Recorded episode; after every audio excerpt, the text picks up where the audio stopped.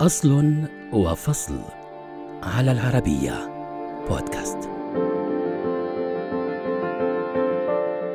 منذ بدء الخليقة والبشر يخترعون ما يسهل عليهم حياتهم من السفن إلى الساعة حتى الكهرباء. لكن كل ذلك لن يكن له أهمية إن لم يتمكن الإنسان من الرؤية بوضوح.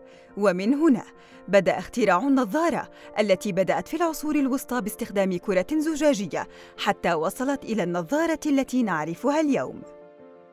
تعود أول فكرة للنظارات الطبية إلى أكثر من 1500 عام عندما استخدم الرهبان الرومان في العصور الوسطى كرات زجاجية مقسومة إلى نصفين كأداة توضع فوق النص المكتوب وتكبر الكلمات والجمل المراد قراءتها.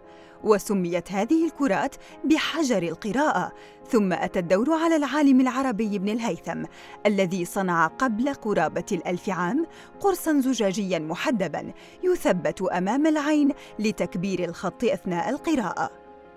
حتى ظهرت أول نظارة معروفة يمكن ارتداؤها في القرن الثالث عشر في إيطاليا وهي عبارة عن عدسات زجاجية بدائية كانت توضع في إطارات خشبية أو جلدية ثم تثبت على الوجه أو فوق الأنف. إلا أن مخترعها الحقيقي لم تعرف هويته حتى الآن. ومع اختراع الآلة الطابعة في القرن الخامس عشر أصبحت الكتب متاحة للجميع وازداد الطلب على النظارات وازدادت شعبيتها بشكل كبير. وفي عام 1600 صنع الحرفيون الإسبان أول هيكل إطار للنظارات وثبتوا شرائط من الحرير أو الخيوط على الإطار وقاموا بلفها حول الأذنين. أما الطراز الحديث لإطار النظارات الذي يوضع فوق الأذنين والأنف فيعود اختراعه إلى عام 1727 من قبل طبيب العيون البريطاني إدوارد سكارلت الذي استخدم عدسات زجاجية موضوعة في إطار خشبي أو نحاسي وساعد الابتكار على بقاء النظارات على الوجه دون احتمالية وقوعها.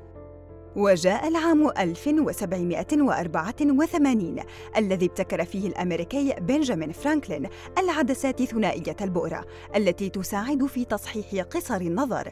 وفي عام 1825 اخترع سير جورج إيري العدسات الأسطوانية التي استخدمت لتصحيح الاستجماتيزم وهو مرض يصيب القرنية فتتركز الأشعة الساقطة على العين في بؤرتين مختلفتين بدلاً من أن تتجمع في بؤرة واحدة.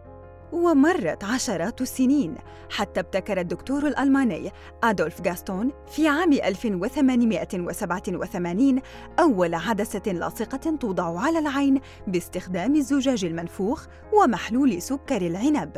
واستمرت رحلة تطوير النظارات الطبية حتى بداية القرن العشرين حين أصبح استخدامها لا يقتصر على الرؤية وتصحيح النظر فقط بل أيضاً من أجل حماية العينين من الأشعة الخارجية.